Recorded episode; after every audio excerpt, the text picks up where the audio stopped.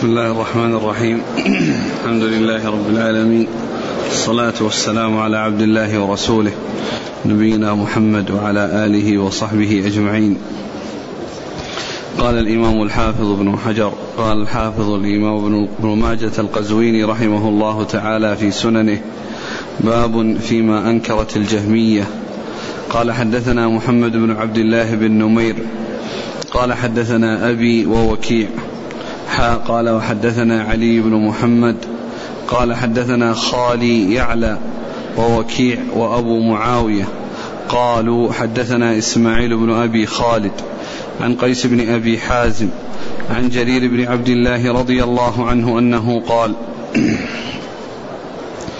كنا جلوسا عند رسول الله صلى الله عليه وعلى آله وسلم فنظر إلى القمر ليلة البدر. فقال إنكم سترون ربكم كما ترون هذا القمر. لا تضامون في رؤيته. فإن استطعتم ألا تغلبوا على صلاة قبل طلوع الشمس وقبل غروبها فافعلوا. ثم قرأ وسبح بحمد ربك قبل طلوع الشمس وقبل الغروب. بسم الله الرحمن الرحيم. الحمد لله رب العالمين. وصلى الله وسلم وبارك على عبده ورسوله نبينا محمد وعلى آله وأصحابه أجمعين. أما بعد فيقول الإمام ابن ماجه رحمه الله باب ما أنكرت الجهمية. الجهمية فرقة من فرق الضلال ينفون الصفات وينسبون إلى الجهم بن صفوان وهو الذي أظهر هذا المذهب الخبيث ونشره فنسب هؤلاء الضلال إليه لأنه هو الذي أظهره ونشره وإلا فإنه موجود قبله لأن سبقه إلى ذلك الجعد بن درهم ولكنهم نسبوا إلى الجهم لأنه هو الذي أشهره وأظهره ونشره فنسبوا إليه وهم فرقة من فرق الضلال وهم المعطلة الذين يعطلون الصفات وينفون عن الله صفاته. ومن المعلوم أن نفي الصفات يؤدي بصاحبه إلى نفي المعبود. وأنه لا وجود له لأنه لا يتصور وجود ذات مجردة من جميع الصفات وإنما الله عز وجل بذاته وصفاته هو الخالق ومن سواه مخلوق. فهم ينفون عن الله الصفات ويعطلون الله عز وجل من صفاته فيؤول أمرهم إلى أنه لا وجود لله عز وجل. ولهذا قال بعض السلف بعض العلماء إن المعطل يعبد عدما. إن المعطل يعبد عدما أي لا وجود لمعبوده. لا وجود لمعبوده. ثم ذكر ثم إن الإمام بن عبد البر رحمه الله ذكر المعطلة وأنهم يصفون من يثبت الصفات بأنه مشبهة لأنهم لا يتصورون إثبات الصفات إلا على وفق ما هو مشاهد ومعاين في المخلوقات. فيفرون من الإثبات لئلا يقعوا في التشبيه ولكنهم فروا من تشبيه سيء تصوروه ووقعوا في تشبيه أسوأ منه وهو التشبيه بالمعدومات. ففروا من التشبيه بالموجودات الذي تصوروه وإلا فإن الإثبات لا يستلزم التشبيه.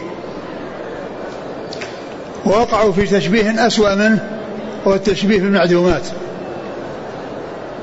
وقال ابن عبد البر رحمه الله وهم عندما من أقر بها نافون للمعبود. يعني الذين يصفون الذين يثبتون الصفات بأنه مشبهة هم عند من أقر بها نافون للمعبود الذهبي رحمه الله في كتابه العلو ذكر يعني هذا آه، نقل هذا الكلام لابن عبد البر. ثم قال صدق والله. يعني أن الذين ينفون الصفات أو الذين لا يثبتون الصفات ويعطلون الله عز وجل من صفاته أنهم نافون للمعبود. قال ابن عبد قال قال الذهبي معلقا على كلام ابن عبد البر في كتابه العلو. قلت صدق والله. فإن الجهمية مثلهم كما قال حماد بن زيد. إن أناسا قالوا في دارنا نخلة. فقيل لها ساق؟ قالوا لا. فقيل لها خوص وعسب؟ قالوا لا. ألها قنو؟ قالوا لا. وكل صفة من صفات النخلة إذا سئلوا عنها نفوها. قيل إذا ما في داركم نخلة. إذا ما في داركم نخلة. ما دام أنها نخلة لا ساق لها ولا خوص لها ولا عشب لها ولا قنو لها ولا وكل صفات النخل لا توجد فيها إذا لا وجود لها. إذا لا وجود للنخلة التي نفيت عنها جميع صفات النخل. فكذلك الجهمية بالنسبة لله عز وجل الذي نفى عن الله الصفات ليس ليس له سمع ولا بصر ولا ولا ولا إلى آخره النتيجة أنه لا وجود له. ولهذا قال بعض أهل العلم إن المعطل يعبد عدما. إن المعطل يعبد عدما. ويقابل المعطلة المشبهة الذين يجعلون صفات الله عز وجل مشابهة لصفات المخلوقين. وسمعه سمعه كأسماعهم وبصره كأبصارهم ويده كأيديهم فيجعلون ما يضاف إلى الله عز وجل من الصفات على وفق ما هو مشاهد ومعاين بالنسبة للمخلوقات. والحق وسط بين هؤلاء وهؤلاء. لا لا يقال بنفي بنفي الصفات ولا يقال مع الإثبات بالتشبيه فأهل السنة والجماعة مثبتة منزهة غير مشبهة ولا معطلة. فهم بإثباتهم خالفوا المعطلة لأن المعطلة غير مثبتة. ومع إثباتهم فهم منزهة غير مشبهة وبذلك خالفوا المشبهة. فإذا أهل السنة والجماعة يقولون يجب أن يثبت لله عز وجل كل ما أثبته لنفسه في كتابه أو في سنة رسوله صلى الله عليه وسلم من الأسماء والصفات على وجه يليق بكمال الله وجلاله. دون تشبيه أو تمثيل ودون تحريف أو تأويل أو تعطيل بل كما قال الله عز وجل ليس كمثله شيء وهو السميع البصير فهذه الآية الكريمة فيها الجمع بين الإثبات والتنزيه الذي هو طريقة أهل السنة والجماعة. فإن قوله هو السميع البصير إثبات وقوله ليس كمثل شيء تنزيه. فهم بإثباتهم خالفوا المعطلة وبنفيهم التنزيه خالفوا المشبهة. فصاروا مثبتة منزهة مثبتة ليسوا معطلة ومنزهة غير مشبهة. فجمعوا بين الإثبات والتنزيه وسلموا من التعطيل والتشبيه.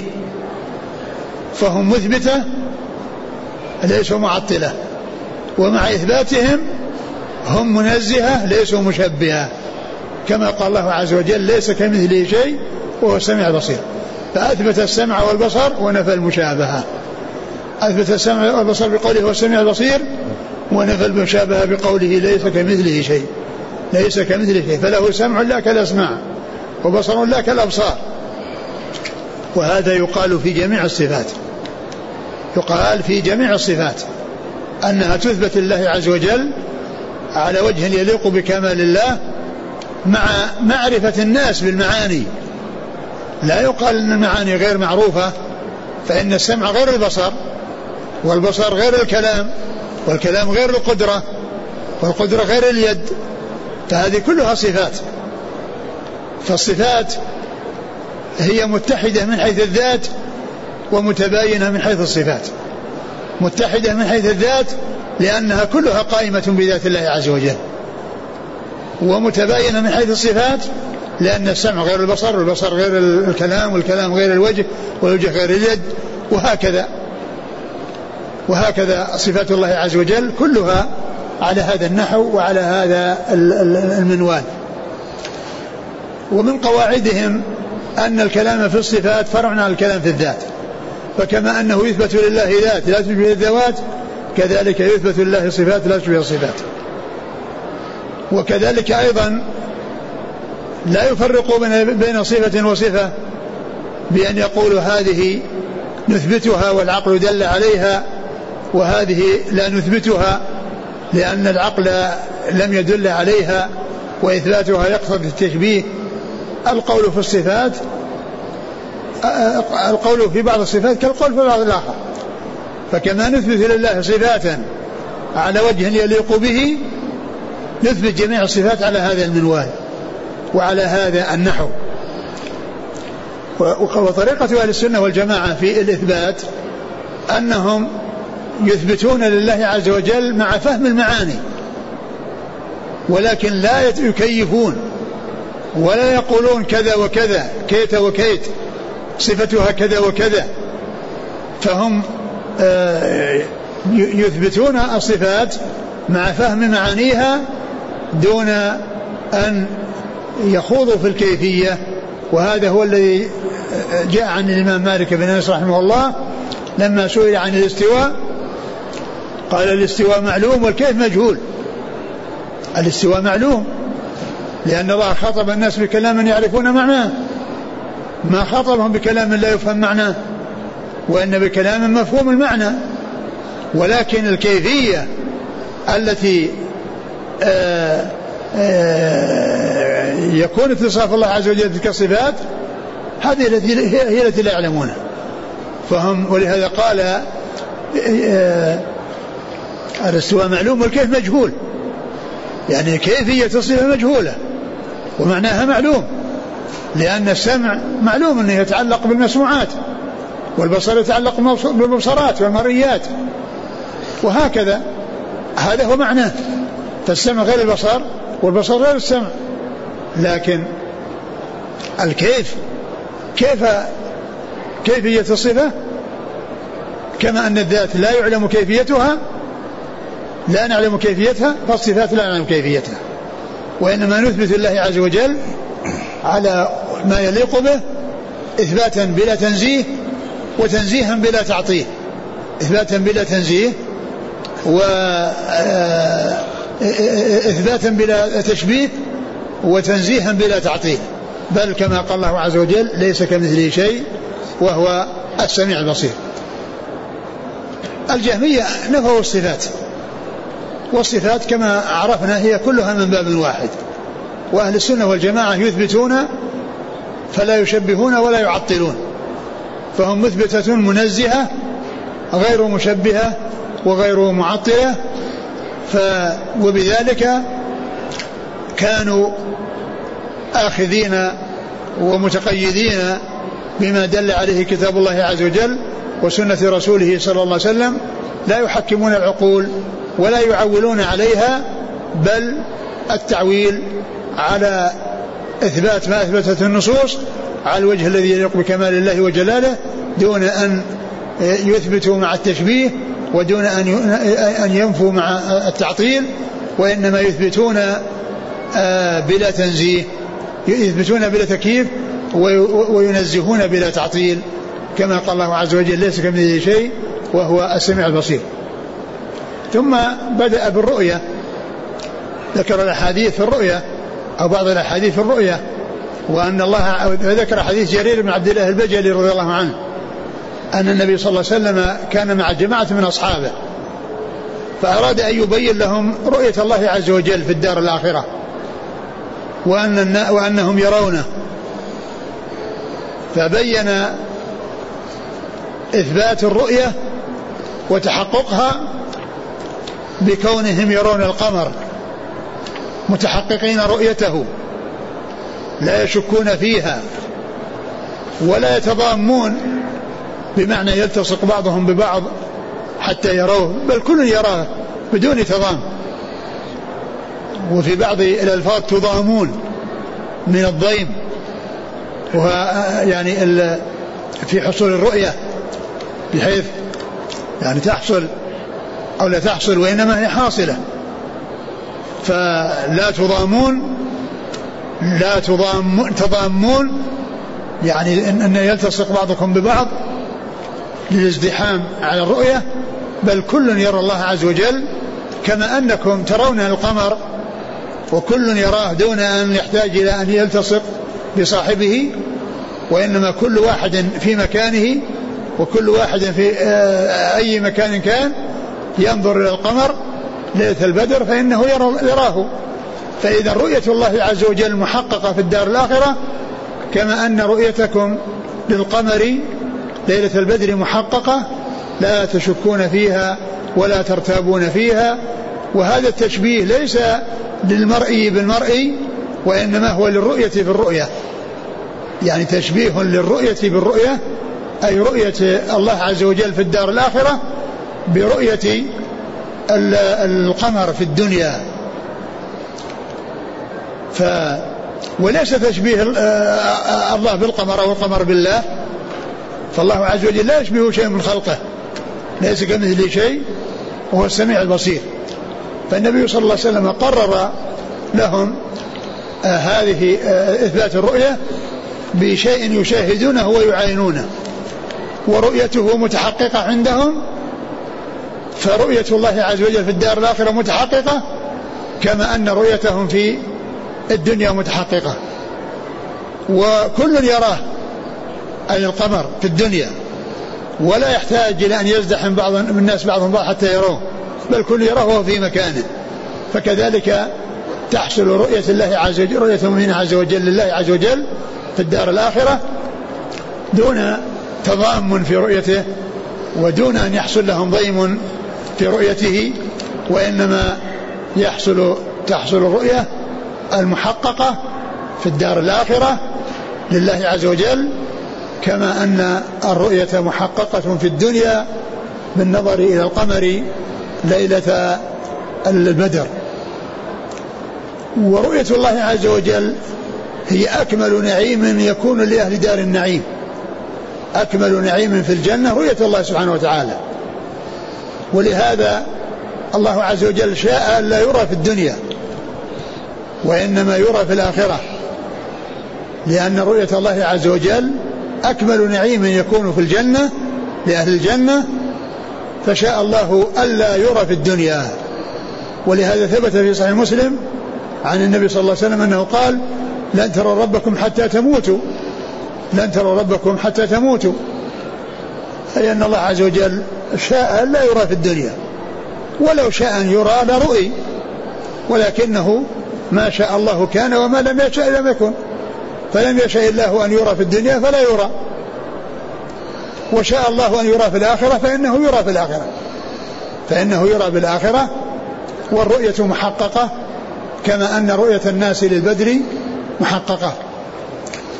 وقد جاءت نصوص الكتاب والسنة جاءت النصوص في القرآن كثيرة وجاءت الأحاديث متواترة في سنة الرسول صلى الله عليه وسلم. فالقرآن جاء فيه قول الله عز وجل وجوه يومئذ ناظرة إلى ربها ناظرة.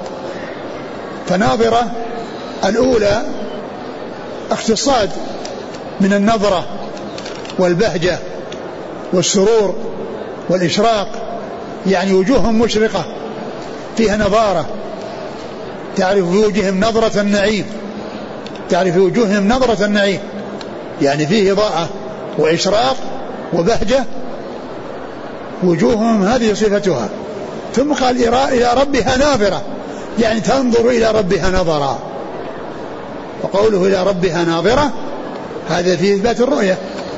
وأن أن أن أن, أن الناس يرونه في الجنة يرون الله عز وجل.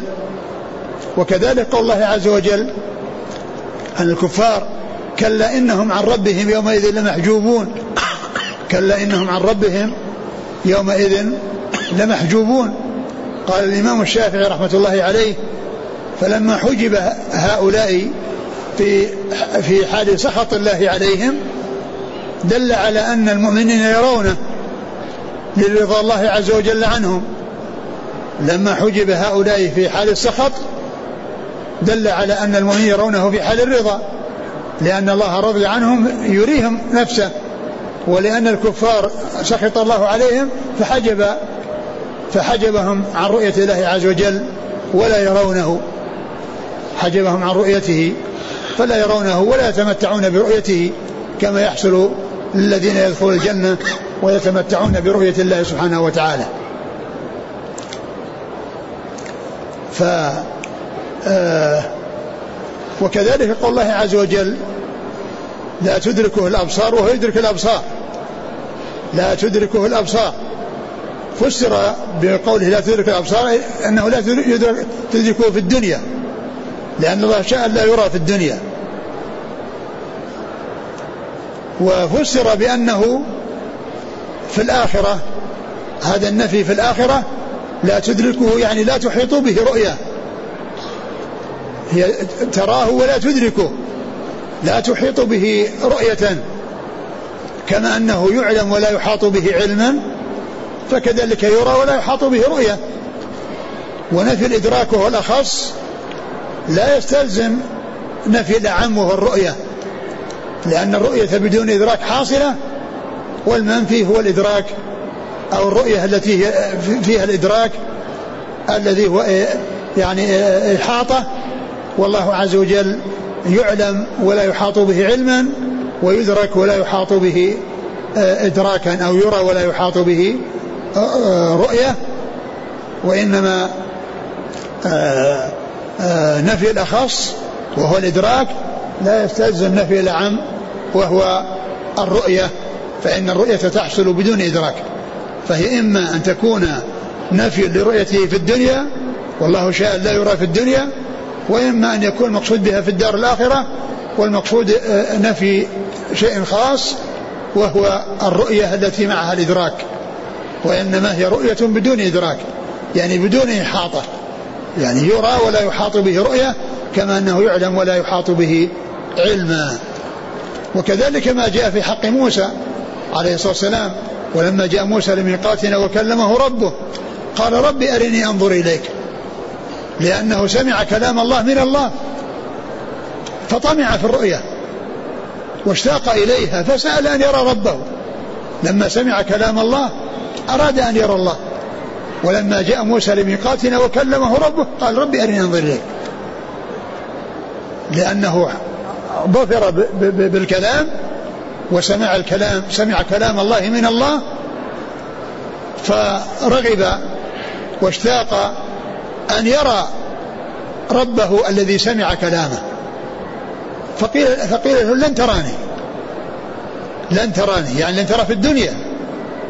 وليس أنه لا يرى أبدا كما يقوله بعض المبتدعة الذين يقول هذه هذه هذه لا تدل على أن الله لا يرى لأن قال لن تراني.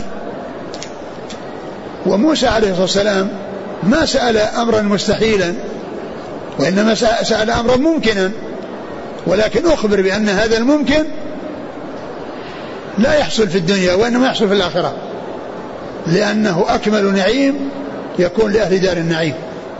فلا يرى في الدنيا لأنه لو رؤي في الدنيا صار نعيم الآخرة جاء إلى الدنيا. والله عز وجل شاء أن تكون أمور الآخرة غيبا. شاء أن تكون أمور الآخرة غيبا. حتى يعمل من وفقه الله عز وجل للوصول إلى هذا الغيب وإلى هذا المغيب. ومن خذل ولم يؤمن إلا بما يشاهده ويعاينه ويدركه فإنه يفوته هذا الخير ويحرم هذا الخير. وأما الأحاديث فهي متواترة. وقد ذكر ابن القيم في كتابه حادي الأرواح إلى بلاد الأفراح في مبحث الرؤية آه، آه، مجيئها عن ثلاثين شخصا ثلاثين من أصحاب الرسول صلى الله عليه وسلم. كل واحد منهم جاء عنه حديث في الرؤيا. في رؤية الله عز وجل وساق تلك الأحاديث وبين من خرجها من العلماء فهي متواترة وقد تضافرت على ذلك نصوص كتاب الله وسنة رسوله صلى الله عليه وسلم. ثم في هذا الحديث لما ذكر الرؤية وتحققها وأن هذا من قبيل تشبيه الرؤية بالرؤية وليس من تقبيل من قبيل تشبيه المرئي بالمرئي المرئي الذي هو القمر والمرئي الذي هو الله. لا يشبه الله بخلقه لا بالقمر ولا غيره ولكن التشبيه إنما هو للرؤية بالرؤية. والرؤية في الدنيا محققة ففي الآخرة محققة. ففي الآخرة محققة. ثم إن النبي صلى الله عليه وسلم أرشد إلى أمرين من الأمور التي توصل إلى رؤية الله ويثاب آه، عليها بحصول الرؤية لله عز وجل. قال ف قال في إيش؟ في آخره فإن؟ فإن استطعتم ألا تغلبوا على صلاة قبل فإن استطعتم ألا تغلبوا على صلاة قبل طلوع الشمس وقبل غروبها فافعلوا. لأن هذا يعني يؤدي إلى رؤية الله عز وجل المحافظة على هاتين الصلاتين اللي هي صلاة الفجر وصلاة العصر. صلاة الفجر قبل طلوع الشمس وصلاة العصر قبل غروب الشمس. وهما الصلاتان التي يتعاقب فيها الملائكة ملائكة الليل وملائكة النهار. ويجتمعون في صلاة الفجر وصلاة العصر. ف يعني يتلاقون الذين جاءوا والذين يصعدون. كلهم يلتقون في هاتين الصلاتين. فهما صلاتان لهما شأن عظيم. ولهما فضل كبير وذلك المحافظة عليهما وعلى بقية الصلاة هذا من من الأسباب من الأعمال الصالحة أو من أعظم الأعمال الصالحة التي آه، تثمر والتي يثيب الله عز وجل عليها بأن آه، آه، يراه من كان كذلك. ف فإن استطعتم أن لا تغلبوا يعني لا يحصل يعني شيء يحول بينكم وبين هاتين الصلاتين لا يعني لا لا, يكون آه، آه، أي شاغل يشغل من تجارة أو أو أو متعة أو لذة أو نوم أو غير ذلك فإن المسلم يجب عليه أن يحافظ على الصلوات الخمس ولا سيما هاتين الصلاتين العظيمتين اللتين قال فيهما النبي صلى الله عليه وسلم فإن استطعتم أن لا تغلبوا على صلاة قبل طلوع الشمس وقبل غروبها فافعلوا. نعم نقرأ الحديث مرة ثانية.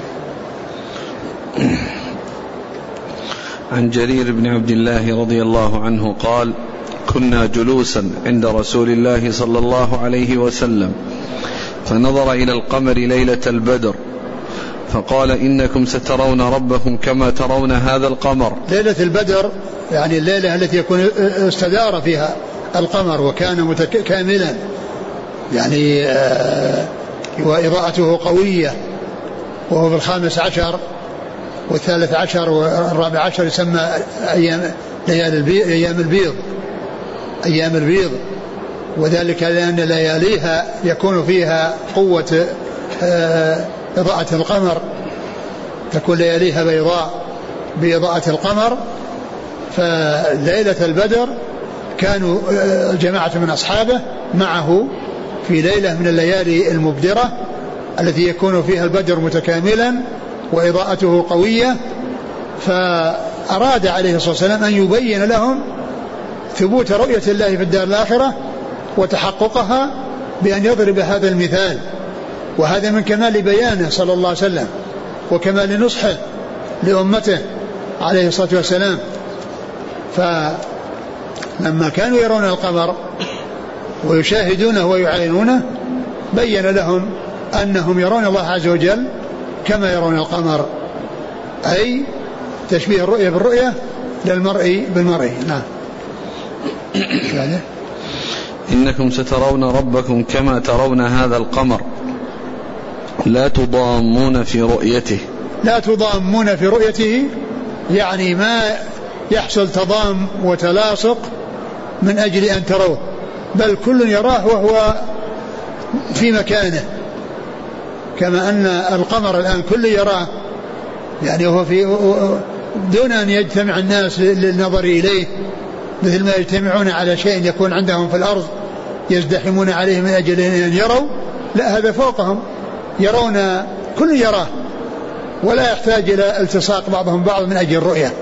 لا تضامون في رؤيته أو لا تضامون في رؤيته. إيش؟ نعم. لا تضامون في رؤيته. نعم.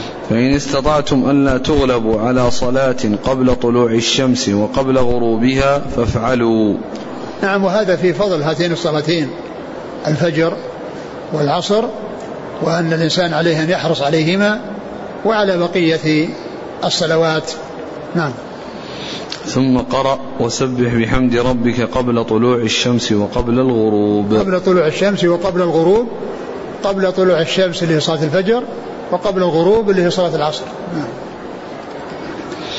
قال حدثنا محمد بن عبد الله بن نمير. هو ثقة أخرج أصحاب الكتب. عن أبيه. وأبوه كذلك. عن ووكيع وكيع. بن الجراح الرؤاسي الكوفي ثقة أخرج أصحاب الكتب. قال وحدثنا علي بن محمد. علي محمد الطنافسي ثقة أخرجه آه، النسائي في مسند علي وابن ماجه. عن خاله يعلى عن خاله يعلى يعلى بن عبيد الطنافسي وهو ثقة أخرجه أصحاب الكتب. نعم. ووكيع وأبي معاوية. وأبو معاوية محمد بن خازم الضرير الكوفي ثقة أخرج أصحاب الكتب. قالوا حدثنا إسماعيل بن أبي خالد. إسماعيل بن أبي خالد ثقة أخرج أصحاب الكتب. عن قيس بن قيس بن أبي حازم ثقة أخرج أصحاب الكتب. عن جرير, جرير بن عبد الله البجلي رضي الله عنه أخرج أصحاب الكتب. قول السندي وإلا فهذه رؤية في جهة وتلك رؤية لا في جهة. هذا كلام غير صحيح. الله عز وجل يرى بالأبصار والرؤية بالأبصار محققة في الدار الآخرة كما أن الرؤية في الدنيا بالأبصار محققة لهذا القمر. فقوله يعني يرى لا في جهة هذا كلام كلام غير صحيح. من أثبت رؤية الله لا في جهة هل هذا إثبات كامل؟ لا. يعني شارح الطحاوية يقول ومن قال إن الله يرى لا في جهة فليراجع عقله. نعم. هل يجوز أن يقال إن الله تعالى يرى في الجنة من فوق؟ الرؤية هو ورد حديث سيأتي فيه كلام يعني فيه ضعف لكن لا شك أن الله عال على كل شيء وأن الله وأن الناس يعني يرونه و وثبوت الرؤيا محقق. نعم لكن الحديث الذي فيه أنهم يعني يرونه من فوقهم سيأتي وهو ضعيف. هل يجوز للإنسان إذا ذكر هذا الحديث للناس وكان القمر بدرا أشار إليه وذكر الحديث؟ آه الناس كما هو معلوم يكفي يكفي أن, أن أنه يتلى ما قاله الرسول صلى الله عليه وسلم ويبين ما قاله الرسول عليه الصلاة والسلام وكلام الرسول صلى الله عليه وسلم بين وكافي. والناس ليسوا بحاجة إلى أنهم يروحون للقمر ويرونه. كل يراه كل يراه. لكن الرسول كان جالسا فنظر إلى القمر وأخبرهم. لكن مو الناس يعني الناس آه، يحتاجون إلى أنهم يروحون يرونه. يكفي أن يقال آه، أن رؤية الله محققة كما أن رؤية القمر محققة. والرسول صلى الله عليه وسلم قال كذا وكذا دون أن يظهر الناس من البنيان ويروحون ينظرون القمر. كل يراه وكل يعرفه. قال حدثنا محمد بن عبد الله بن نمير قال حدثنا يحيى بن عيسى الرملي عن الأعمش عن أبي صالح عن أبي هريرة رضي الله عنه أنه قال قال رسول الله صلى الله عليه وعلى آله وسلم تضامون في رؤية القمر ليلة البدر؟ قالوا لا. قال فكذلك لا تضامون في رؤية ربكم يوم القيامة. ثم ذكر حديث أبي هريرة وهو يعني بعض أو يدل على بعض ما جاء في حديث آه، جرير المتقدم يعني قال هل تضامون؟ أتضامون؟ يعني في سؤال استفهام في رؤية البدر. هل تضامون؟ يعني هل تزدحمون لأجل أن تروه؟ قالوا لا. قال فإنكم ترون ربكم كذلك. يعني كما أنكم ترون القمر بدون تضام وتزاحم فكذلك ترون الله عز وجل دون أن يكون هناك تضام وتزاحم. قال حدثنا محمد بن عبد الله بن نمير عن يحيى بن عيسى الرملي. هو صدوق يخطئ أخرج البخاري في الأدب المفرد ومسلم وأبو داود والترمذي وابن ماجه. عن الأعمش. الأعمش سليمان بن مهران الكاهلي الكوفي ثقة أخرج أصحاب الكتب. عن أبي صالح. أبو صالح ذكوان السمان ثقة أخرج أصحاب الكتب. عن أبي هريرة. أبو هريرة عبد الرحمن بن صخر الدوسي رضي الله عنه أكثر الصحابة الحديث. قال حدثنا محمد بن العلاء الهمداني قال حدثنا عبد الله بن إدريس عن الأعمش عن أبي صالح السمان عن أبي سعيد رضي الله عنه أنه قال قلنا يا رسول الله أنرى ربنا؟ قال تضامون في رؤية الشمس في الظهيرة في غير سحاب؟ قلنا لا. قال فتضارون في رؤية القمر ليلة البدر في غير سحاب؟ قالوا لا. قال إنكم لا تضارون في رؤيته إلا كما تضارون في رؤيتهما. ثم ذكر حديث أبي سعيد الخدري رضي الله عنه وقد سألوا أصحاب رسول الله صلى الله عليه وسلم هل نرى ربنا يوم القيامة؟ هل نرى ربنا يوم القيامة؟ لأنهم في الدنيا لا يرونه. وقد قال صلى الله عليه وسلم إنكم لن تروا ربكم حتى تموتوا. فسألوا عن رؤية يوم القيامة. فالرسول عليه الصلاة والسلام آه، مثل لهم برؤيته من القمر وأنها محققة وأنهم يرونه في الدار الآخرة رؤية محققة كما أن رؤيتهم للقمر في الدنيا محققة. فقال هل آه، هل تضارون في أو تضارون في آه، رؤيته يعني بحيث يعني يضر بعضكم بعضا في التضام والتلاصق والتلاحم من أجل أن أن تروه. قالوا لا. قال فإنكم لا تضارون في رؤيته. يعني لا يضر بعضكم بعضا من أجل آه، أن تروه وإنما ترونه في الدار الآخرة من من غير تضار من بعضكم البعض كما أنكم ترون القمر في الدنيا وتشاهدونه دون أن يلتصق بعضكم بعض ويضر بعضكم بعضا في الازدحام من أجل رؤية الله سبحانه وتعالى. وهو مثل الحديثين السابقين. نعم. قال حدثنا محمد بن العلاء الهمداني. هذا هو أبو كريب. ذكر هنا باسمه دون كنيته. وهو أحيانا يذكر بالكنية وأحيانا يذكر بالاسم. وهنا محمد بن العلاء ابن كريب أبو كريب ثقة أخرج أصحاب الكتب. عن عبد الله بن إدريس. وهو الأودي ثقة أخرج أصحاب الكتب.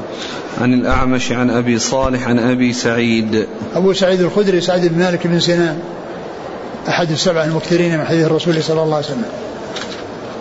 يقول السائل ورد في بعض أحاديث الرؤية أن الرؤية لله سبحانه وفي بعضها أن الرؤية لوجه الله.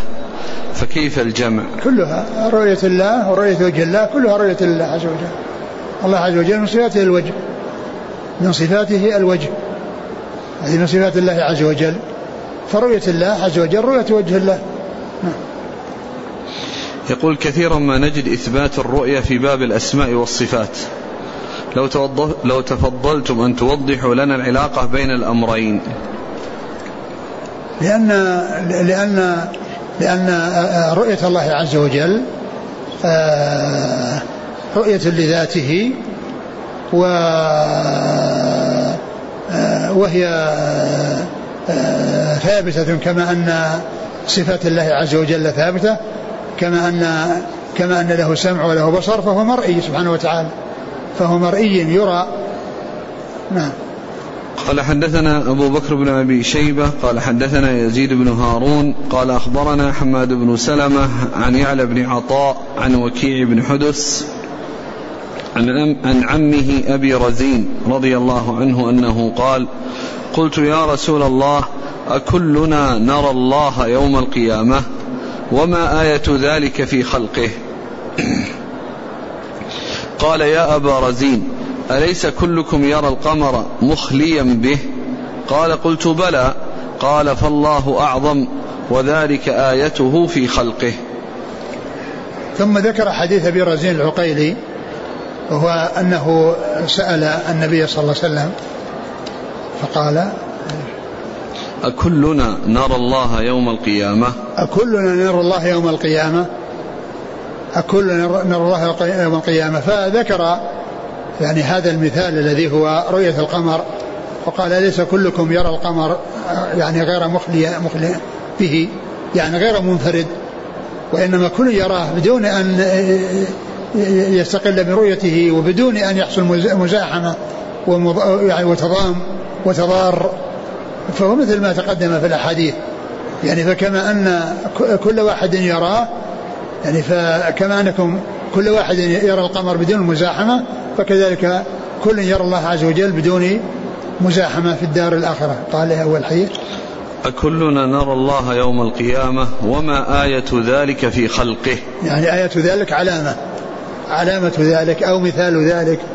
فذكر هذا المثال الذي هو مخلوق مخلوقات الله في السماء. كل يراه بدون مزاحمة وبدون تضار وبدون تضام.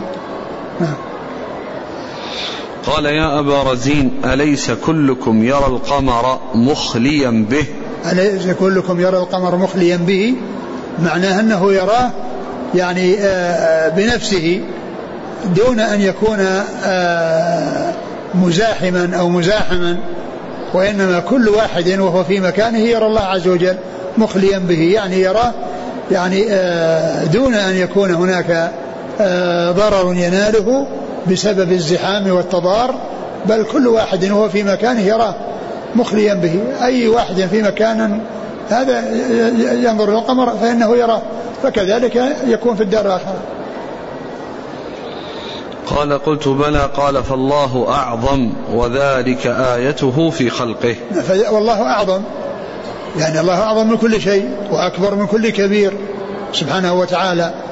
ولكن هذا إثبات للرؤية لمخلوق من مخلوقات الله عز وجل محققة فيكون في ذلك في الدار الآخرة. وهذا آيته في خلقه يعني أن من آيات الله عز وجل القمر الذي كل يراه ولا يحصل تضامن في رؤيته فكذلك رؤية الله في الدار الآخرة لا يكون فيها تضام بل كل يراه